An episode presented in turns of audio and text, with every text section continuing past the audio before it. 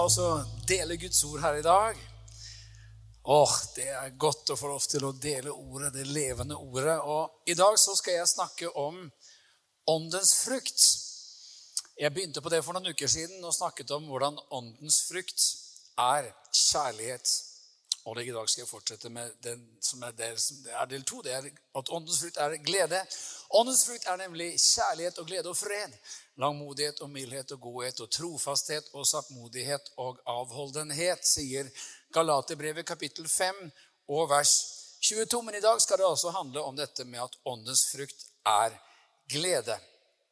Du vet, Det som er et interessant spørsmål, er om liksom glede er noe som er betinget av gode følelser, og som igjen er betinget av gode omstendigheter. Heldigvis så er det ikke sånn, nettopp fordi at åndens frukt er glede.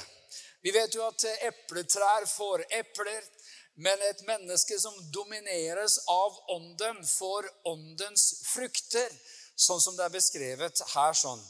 Det er altså sånn at Åndens frukt, frukt, ikke er at noen har en spesiell type personlighetstype. At det er liksom noen sånne happy typer som bare litt sånn allment er glade til enhver tid. Men det er nemlig en frukt av fellesskapet med Gud. Og det er jo gode nyheter for oss. Fordi da er det nemlig ikke avhengig av hva slags personlighetstype man her har. Det er avhengig av fellesskap med Gud. Åndens frukt er overnaturlig, nemlig. Derfor er det sånn at det også sprenger rammene for våre menneskelige begrensninger. Det er altså gode nyheter. Og jeg må si at det er veldig bra for oss egentlig å snakke litt om gleden her i dag. Jeg mener, Det er jo kanskje ikke det som preger verden aller mest akkurat nå. Glede. Det er koronavirus, og det er lockdowns, og det er liksom eh, mange begrensninger og masse spesielle ting som, som er i omstendighetene. Eh, selv om vi har kommet ganske godt ut av det her i Norge, så er det likevel sånn at eh, det er spesielle tider og krevende tider. Men det er gode nyheter til oss. Det er at åndens frukt er glede. Og det vil jo også si at det er mulig for oss ut ifra Guds liv å få lov til å leve et liv som har en grunntone av glede, uavhengig av hvordan omstendighetene ser ut, og hvordan ting ser ut i våre omgivelser. Det er gode nyheter. Jeg skal ta og lese noe om dette, og det skal si litt om dette som har med glede i ulike omstendigheter. For i 2. Korinterbrev kapittel 8 så står det noen vers som er interessante i så måte. Det første verset sier, 'Brødre, nå vil vi fortelle dere om den nåde Gud har gitt menigheten i Makedonia.' De har vært hardt prøvd i trengsler. Men likevel er det av deres overveldende glede og deres dype fattigdom strev, strømmet fram en rikdom på oppriktig godhet. Og så står det videre at de ga etter evne. Det kan jeg bevitne over evne osv. Så sånn. Hva er dette her for noe? Jo, det står at de hadde vært hardt prøvet. Det står at de hadde gjennomgått store trengsler. Det var dyp fattigdom, men det var samtidig overveldende glede. Og det interessante med dette er at dette er ikke ord som naturlig på en måte henger sammen. Trengsler, prøvelser, fattigdom og glede. Det beskriver med andre ord en glede som går mye dypere enn følelser. Det er nemlig en glede som er forankret i himmelen, forankret i Herren selv og forankret i evigheten. Og det skal vi si noe om her nå. Og vi skal lese evangeliene i Lukas kapittel 10 om hvordan Jesus han sender ut i 12, og her så sender han ut i 70, eh, som han også hadde, eh, som var predikanter som han sendte ut for å gjøre hans gjerninger. Og så står det i vers 17, De kommer tilbake og gir rapport til Jesus om det de har holdt på med og opplevd. Så står det at de 70 kom glade tilbake og sa, Herre, til og med de onde åndene adlyder oss i ditt navn. Her er liksom, her er disse folka de er liksom bare ja, men Jesus, det er helt fantastisk. Det funker, disse greiene. Det her som du har sagt at vi skal gjøre, å gå ut og kaste ut onde ånder i ditt navn. Ja, men vi gjorde det, Jesus, og det funka. Wow! De er helt superbegeistret for dette. Og så svarer jo Jesus med egentlig å dra en enda sterkere historie. altså. Han sier at 'jeg jeg så Satan falle ned fra himmelen som et lyn. Det var greier, det, karer. Det var litt av noen ting, altså. Eh, og se, det er sant, altså. Jeg har gitt dere makt til å trå på slanger og skorpioner over alt fiendens velde, og ingenting skal skade dere. Som på en måte understreker at ja vel, det er sånn det er. Eh, vi har fått autoritet over ånde ånder. Satan er under våre føtter. Eh, vi skal ikke være under han, han skal være under oss. Vi har autoritet over alt fiendens velde. Det er fantastiske nyheter. Men så står det da videre i vers 20 hva som virkelig skal glede oss, og hvor vår forankring er når det gjelder gleden. Der står det nemlig Men gled dere ikke over dette, at åndene er dere lydige. Altså Det er på en måte et for lavt nivå å glede seg over. Gled dere heller over at navnene deres er innskrevet i himmelen. Altså denne gleden over at vi er koblet med himmelen, er på vei til himmelen. Våre navn er skrevet i livets bok. Det å vite at det dreier seg om evigheten. At vi som har fått oppleve Jesus, vi skal leve om vi enn dør. Vi skal leve for evig, fordi Jesus er oppstandelsen og livet. Er jo fantastisk. jeg mener, det, det gjør at man kan glede seg uansett hvor vanskelig og krevende ting er. Og Det står videre i vers 21 at i samme stund så frydet han seg, det gledet han seg i Den hellige ånd, og sa, jeg priser deg, Far, himmelens og jordens Herre, fordi du har skjult dette for vise og forstandige, og åpenbarte for umyndige. Ja, Far, slik skjedde det som var til velbehag for deg. Vet, noen har sagt at jeg er så glad at jeg er frelst. Og det er også mulig å si at jeg er så frelst at jeg er glad. For det er nemlig sånn at det vi opplever i den tiden som vi lever, er jo at liksom, ting skifter, ting forandres, omstendighetene forandres. Ting går opp, ting går ned. Eh, hva folk mener om deg, det kan være litt forskjellig fra ulike tider. Hva, hva folk sier om deg, eh, hvordan ting ser ut på jobben, hvordan ting ser ut i familien, i slekten. Det kan jo av og til noen ganger gi grunn til stor glede, og andre ganger gi stor grunn til bekymring. Det er litt forskjellig.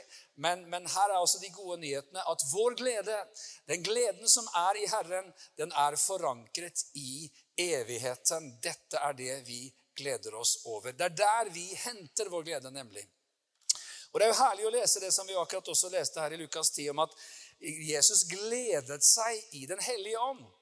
Vi leste i vers 21 at han frydet seg i Den hellige ånd og sa, 'Jeg fry, priser deg, Far, himmelens og jordens Herre.' Og jeg, mener, jeg, jeg, jeg, bare har lyst til å si noe om det her også, fordi jeg vet ikke om du har sett noen sånne gode, velsignede Jesus-filmer. Det fins jo mange filmer som er laget opp gjennom tidene. Og, og, noen kanskje har lykkes godt, og noen har lykkes mindre godt. Men, men jeg, jeg, lurer på om de liksom fullt ut får med seg denne her utrolige gleden, fryden, begeistringen som Jesus bar med seg jeg mener, Han var jo den gladeste personen som noen gang har gått på to ben. Han fryder seg i Den hellige ånd, og han priser sin far i himmelen. Og Det her er interessant for oss å se på også fordi når man tenker på liksom, dette med å leve en livsstil i glede, så dreier jo det seg om at Jesus gleder seg i Gud. Og det kan vi også gjøre.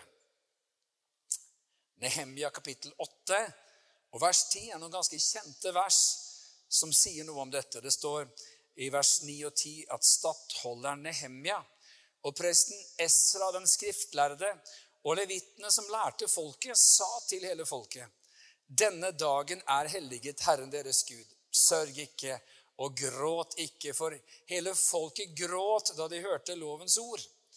Så sa han til dem, gå nå et fete retter og drikk søte drikker, og send gaver av det til dem som ingen har laget noe til for. For dagen er helliget vår Herre, og sørg ikke, for glede i Herren er deres styrke. Bakgrunnen her er jo at israelsfolket har vært i fangenskap. De har vært i Babylon. Nå er det en del som har fått komme tilbake igjen. Og eh, som har reist tilbake for å gjenoppbygge det, det landet og den byen som har vært nedrevet. Og det interessante er at når de hører ordet, de hører ordet forkynt, så gråter de alle sammen. Det må ha vært en sånn erkjennelse over hvor dypt de har falt som folk, og hvor langt unna de har kommet fra det som var Guds tanker. Eh, ordet det stikker dem, det tar tak i dem, og det fører til overbevisning, og de gråter. Men så sier Nehemia her at hør nå her, dere skal ikke sørge i dag, for glede i Herren er deres styrke. Og Vi leste jo også om Korintermenigheten, som, som er et veldig godt eksempel på det her. Nemlig at gjennom prøvelser, trengsler, og overveldende eh, dyp fattigdom, så var det stor glede hos dem.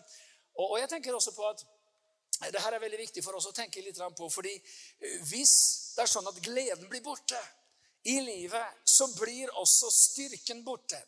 Det er akkurat som at hvis, hvis gleden tappes fra våre liv, eh, så, så, så, så, blir også styrken til å leve borte. Derfor er det viktig å se at i det med å glede seg i Herren, så fins det en enorm styrke til å gå gjennom ild og vann, til å gå gjennom tøffe tider. Eh, det dreier seg liksom ikke om at man skal fornekte at ting er vanskelig, eller at man skal på en måte være skuespiller som ikke skal kunne si at man har det vanskelig eller tøft. Eh, det, går på noe helt annet enn det. Det går nemlig på det at det er en glede i Herren som er styrken vår. Nemlig det at vi kan få glede oss uavhengig av omstendighetene. Det er utrolig gode nyheter. Jeg mener, eh, Denne verden som vi lever i åh, de, de, bare må få vite hvor godt det er å leve for Jesus. De må bare få vite hvor utrolig velsignet det er å vite at Han som har skapt alle ting, han bor på innsiden av deg med sin gode hellige ånd, og som gjør at du faktisk kan gå gjennom livet og glede deg midt i de tøffeste omstendigheter. Det er evangeliet gode nyheter. Og det er jo selve roten til ordet evangelium også, nemlig godt budskap eller gledesfullt budskap. Vi leser videre i Romerbrevet og kapittel 14 og vers 17. og Jeg har også lyst til å bare si enda litt mer om dette her med at vi har glede i Gud. Der står det nemlig at Guds rike består i rettferdighet og fred og glede i Den hellige ånd. Tenk på det et lite øyeblikk der du sitter. Jeg mener, Guds rike består av glede. Eh, som andre ord, der hvor Guds rike går fram, så blir det stor glede. Eh, og jeg mener, eh, Mange ganger så vil man oppleve at medier og, filmer og ulike ting de vil gjerne liksom portrettere den kristne troen som noe sånn livsfravendt, noe mørkt, noe dystert, noe, noe, noe, noe sånt som tar gleden og liv fra folk. Men, men realitetene, det er det motsatte. Eh, jeg, mener, jeg, har, jeg har sett, også vært ute i verden og sett mennesker som har levd i sin største nød, sin største fattigdom. Eh, vært på, på plasser hvor man bare tenker det fins jo ingen grunn i omstendighetene overhodet til å glede seg over. Det fins ikke en ting som funker, det fins ikke en ting som er på plass. Det, det, det, er kaos som råder i samfunnet omkring en. Og samtidig å møte med, på mennesker med en sånn enormt stor glede i sitt liv, det gjør at man nesten blir litt sånn skamfull egentlig når man kommer fra hvor vi kanskje har så lett for å se alt som ikke funker, alt som ikke er bra, og alt som, alt som man har å, å, klage over. Eh, men det gode er at når det gjelder Guds rike, der Guds rike går fram, der blir det store glede. Det står også om eh, evangelisten Philip som kom og forkynte evangeliet i Samaria. Og det står det ble stor glede glede der i byen. Stor glede ble det der hvor evangeliet gikk fram. La oss lese også det som står i, eh, i eh, Hebrebrevet kapittel 1. For der står det nemlig at du elsket rettferd og hatet lovløshet. Derfor Gud har din Gud salvet deg med gledens olje framfor dine medbrødre er jo bare fantastiske vers, dette her. Tenk å være salvet med gledens olje.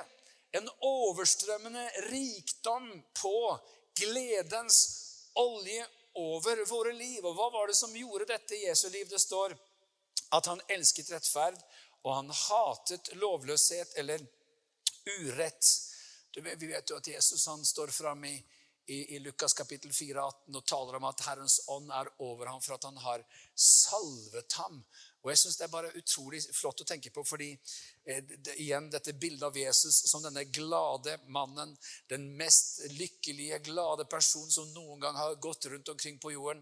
Det var jo han som kom for å både vise oss Gud, og han kom for å vise oss oss. Han kom for å vise oss det livet som du og jeg kunne få lov til å, å, å leve. Og du vet, eh, vi synger jo en sånn norsk sang 'Jo mer vi er sammen, jo gladere vi blir'. Og det er veldig bra. Det er, det er en veldig fin sang, altså. Men eh, det står jo også her altså, at han, han, var salvet med, med, med, gledens olje fordi han elsket rettferd og hatet lovløshet. Så man kan faktisk si at jo helligere man blir Eller jo mer lik Jesus man blir, jo mer av hans liv som får vinne skikkelse i oss, jo gladere blir vi. Jeg mener, Det inntrykket som kanskje folk kan ha, er at det liksom, oh, hellighet oh, det blir dystert, det blir mørkt. Det er sånne skal ikke, må ikke, får ikke, bør ikke-greier. Nei, det, det, er liksom den ondes for, fordreininger. Det er nemlig sånn at det å holde seg nær til Jesus det gjør at hans liv får prege oss mer og mer. Det er det som på et bibelsk begrep kalles for helliggjørelse. Og det er sånn at Folk som virkelig lever nær Jesus, er også mennesker som kjennetegnes av en dyp og rik og stor, gjennomtrengende og overstrømmende glede. Folk som latteren sitter løst hos, og som, som er fulle av liv og begeistring. Og det er nydelig å tenke på at sånn er det nemlig med denne åndens frukt, som er glede. Gleden i Herren er vår styrke. Wow. Den ånd har vi fått på innsiden, som Jesus snakker om i Johannes 7,37. På den siste store dagen i høytiden, står det, så sto Jesus og ropte ut, om noen tørster, han kommer til meg å drikke. Den som tror på meg, som Skriften har sagt, fra hans indre skal det flyte strømmer av levende vann. Du vet, eh, i, i, i, sommer så fikk jeg gleden faktisk midt i disse spesielle tider å være en hel måned på fjellet. Og en av disse favorittingene å gjøre der oppe på Rondane, det er å liksom sitte og bare tenke og snakke litt med Jesus og være litt stille. Og sitte liksom foran ula som bare strømmer på fossefall etter fossefall etter fossefall. Helt enorme mengder med vann som bare strømmer på. Er ustoppelig, du er uendelig. Det stopper aldri. Og det å bare tenke på at det livet som Gud har plassert på innsiden av oss ved sin ånd, det er som en sånn ustoppelig ypperlig strøm, et fossefall som aldri stopper opp, som er bare fullt av liv. Det er friskt, det er sterkt, det er levende. Og Sånn er det også med dette livet som vi har fått i Den hellige ånd. Og, og, og Derfor er det sånn at vi også kan søke Han, vi kan be, vi kan tale i nye tunger, vi kan komme fram for Han. Og, og kanskje når vi begynner, så er ting litt tungt og litt tøft og litt vanskelig. Eh, det hender for meg også at jeg begynner å be, så kan det være at utgangspunktet er litt sånn Ok, her er jeg, og jeg skjønner at nå må jeg be. Men det skal ikke mange minuttene til før jeg begynner å takke Gud og begynner å fokusere på Han og tenke på Jesus. At det er livet, det er strømmen, den er gleden, den fosser fram på innsiden. Hvilke kilder vi har fått! Halleluja! Hvilken glede og hvilken nåde. La meg si litt også om ting som kan stjele denne gleden, og som kan eh, fjerne den fra oss. Jeg tenker at det For det ene er synden, og det andre er bekymringer. Vi leste jo altså dette med å elske rettferd og, og hate urett eller lovløshet. Eh, Salme 97 vers 10 sier også at dere som elsker Herren, hat det onde. Du vet, Denne verden kan love så mange ting og si ja, men hvis du bare blir med på det her, hvis du bare blir med på det her, hvis du bare blir med på det her, så skal du få oppleve gleden. Eh, men, men vi vet at eh, den onde han har forvrengninger og han har forfalskninger. Vi vet at eh, det som Gud har, er den sanne gleden. Og, og, og noen kan jo også si liksom at ja, men det å bli en kristen eller det å leve for Jesus, det vil si at ditt liv det går i mål, ditt, ditt liv det blir kjipt, ditt liv det blir mørkt og trist. Eh, det gjelder liksom å leve livet. ikke sant? Jeg vet du hva, Det som virkelig er å leve livet, det er å følge Han som er veien, sannheten og livet. Det er å få leve for Jesus Kristus. Og han sa nemlig i Johannes 10,10 10 at tyven kommer for å stjele og myrde og ødelegge. Jeg er kommet for at de skal ha liv og ha overflod. Tyven har vil stjele alt i våre liv, inkludert gleden. Jeg husker en gang eh, for veldig mange år siden jeg var en ung mann som gikk på videregående skole på musikklinja. Det var en fantastisk tid, det var en fantastisk klasse, det var en fantastisk gjeng. Jeg hadde utrolig gode venner. Men pga. ulike omstendigheter og på grunn av ulike ting som skjedde, så, så i løpet av eh, et, en, en, tid så, så, var det akkurat som at eh, det, som, det, livet som jeg hadde levd i egentlig helt siden jeg var barn, siden jeg vokste opp med, med en sånn veldig glad gutt som var full av liv og full av begeistring, så, så var det akkurat som den onde var ute etter å stjele dette livet. Stjele, og vet, den, den, onde han er liksom ikke sånn at han i utgangspunktet er, er fornøyd med å bare stjele en liten flik av det du har. Nei, han, han kommer for å stjele, myrde og ødelegge. Han, han, er ikke fornøyd før han har tatt alt sammen. Og før han har ødelagt sammen. Før han har stjålet alt det du er, alt det du har. Og, og før han har fått has på deg fullstendig. Og, og, jeg husker at det var, det var, en tid hvor jeg på mange måter eh, var, var i mange brytninger. Jeg, jeg, var i menigheten men, men, men, og var trofast der. Og samtidig så var det veldig sterke krefter som dro på livet mitt. Og, og jeg husker at jeg, jeg, jeg hadde en, en, en, drøm. Gud kan bruke drømmer. Han kan tale til oss i drømmer. Og, og faktisk så så jeg meg selv i denne drømmen. Og du vet, Vi har jo gjerne sånne bilder av oss selv hvordan vi er, og hvordan vi ter oss, og hvordan vi holder på, og hvordan vi, hvordan vi, ja, hvordan vi lever. Og, og, og, Jeg våknet opp, og jeg husket denne drømmen. og Jeg husker at jeg så meg selv i drømmen. At den, den unge fyren som, som, var en tenåring, og som var full av liv og full av glede og full av begeistring, han, han var, egentlig blitt en sånn litt sånn melankolsk fyr som, som, egentlig det var noe litt sånn mørkt og halvdepressivt over. Og når jeg våknet opp og husket denne drømmen, så fikk jeg sjokk. Og jeg tenkte wow! Hva er det som er i ferd med å skje med mitt liv?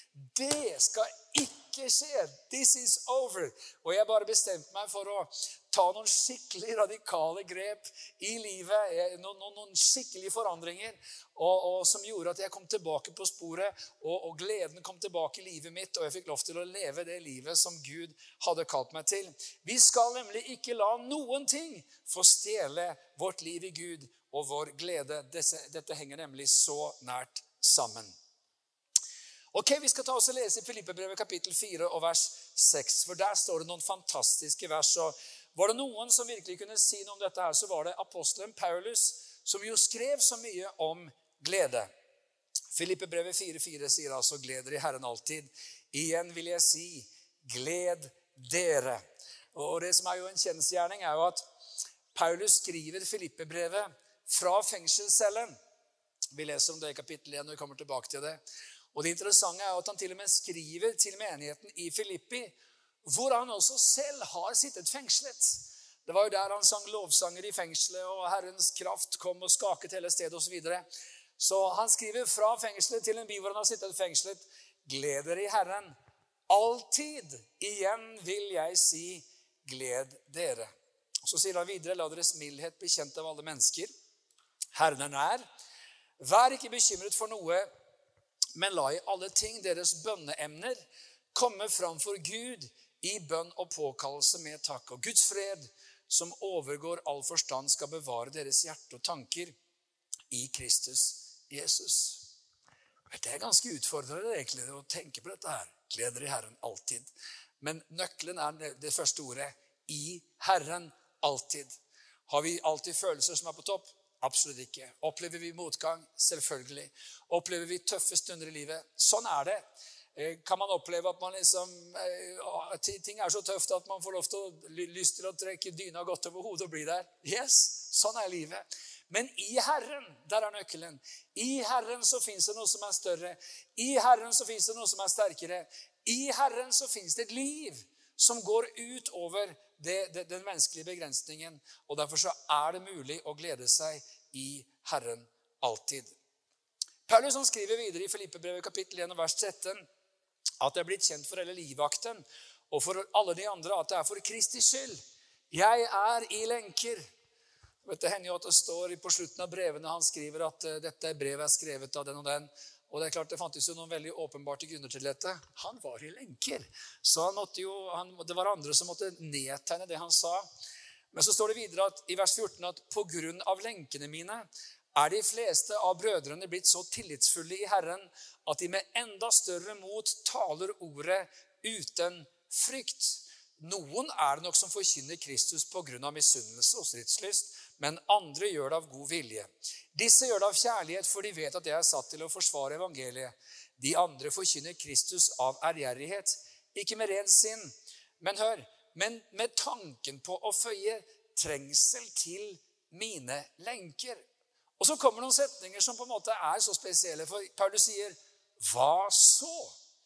Kristus blir i alle fall forkynt, enten det nå skjer med baktanker eller i sannhet.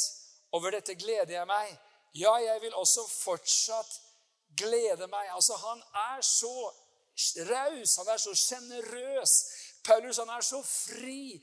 Han har så andre perspektiver på tjenesten. Jeg mener, han sier ok, jeg har en del folk rundt meg her som kanskje forkynner med både baktanker og med urene motiver. og Noen forkynner evangeliet med sannhet, og det, liksom, det går litt i alle retninger her. Men jeg gleder meg, for i alle fall så blir evangeliet forkynt. Det syns jeg er fantastisk. Det er helt nydelig at denne mannen igjen og igjen og igjen sier gjennom Filippe-brevet, sånn som i vers 1.: For øvrig, mine brødre, gleder i Herren. Jeg blir ikke trett av å skrive det samme om igjen, og for dere er det desto tryggere. Jeg husker For noen år siden så traff jeg David Hathaway, som nå er 88 år gammel. En engelsk forkynner som er full av liv og kraft, og som forkynner fortsatt med stor styrke. og han eh, holdt på å forkynne inn i Russland og drev med bibelsmugling og, eh, i unge år. han, han, en, han, ble tatt til fange og fikk egentlig en dom for, for, som var på ti år. Fem år for bibelsmugling og fem år for eh, evangelisering. Og hadde da en dom på, på ti år. Han ble bare sittende i ett år. Men når han kom ut igjen, så, så sier David på sitt påfallende vis han sier, 'Det var mitt beste år.' Det var mitt beste år. Jeg lærte meg virkelig å be. Jeg lærte meg virkelig å søke Gud. Jeg mener, Han gledet seg i Herren midt i dårlige omstendigheter. Til sist så skal jeg si noe om dette. At vi kan få lov til å leve et liv i glede. Amen. Det er altså sånn at vi kan ha vanskelige dager, eh, at vi kan oppleve utfordringer. Det er ikke sånn at man menneskelig sett er glad hele tiden. Jakob 5 sier nemlig i vers 13.: Lider noen blant dere ondt, la ham be. Er noen glad til sinns, la ham lovsynge. Er noen blant dere syk, la ham kalle til seg menighetens eldste. Og de skal be for ham og salve ham med olje i Herrens navn. Eh, det gode er at vi skal ikke tenke at vi skal takle alt selv. Vi skal gå gjennom alle vanskeligheter selv. Eh, vi skal nemlig forvente at vi får stå, lov til å stå sammen som brødre, som søstre, i Herren, i Gud. Eh, men det gode er at midt inni frukt, kjærlighet og glede og fred. Av og til så kan vi jo bare se oss om etter noen slags ytre stimuli for å, for å finne ny glede. Ja ja, men for å få litt ny glede, jeg må få litt le litt, eller jeg må se noe morsomt. eller Det kan jo være så sin sak. Men det gode er altså at vi har noe som er så mye sterkere. Romerne 12, 12 sier, 'Vær glade i håpet, tålmodige i trengselen og vedholdende i bønnen'. Så hør her. Uansett hvordan din dag er, uansett hvordan din omstendighet er, så har jeg lyst til å bare oppmuntre deg og si det fins et håp. Det fins et håp for oss. Vi lever med himmelen for øye. Vi lever for evigheten. Vi lever med Gud på innsiden. Vi lever frelst av nåde. Våre synder er tilgitt. Det gamle er borte, og det nye er blitt til. Og Derfor så kan vi få oppleve at vi kan få glede oss i Herren alltid, for åndens frukt er glede. Takk, Herre Far i himmelen, for din godhet og for din nåde. Og for det liv som vi har fått lov til å oppleve og erfare. Vi er så takknemlige. Og for at du viser oss din store nåde og barmhjertighet. Takk, Herre, for at vi også kan få si at gleden i deg er vår styrke. Vi vil ikke la noen ting få stjele vår styrke, vår, vår glede. Det er fordi at gleden i deg er vår styrke, så vi vil glede oss i deg. Amen.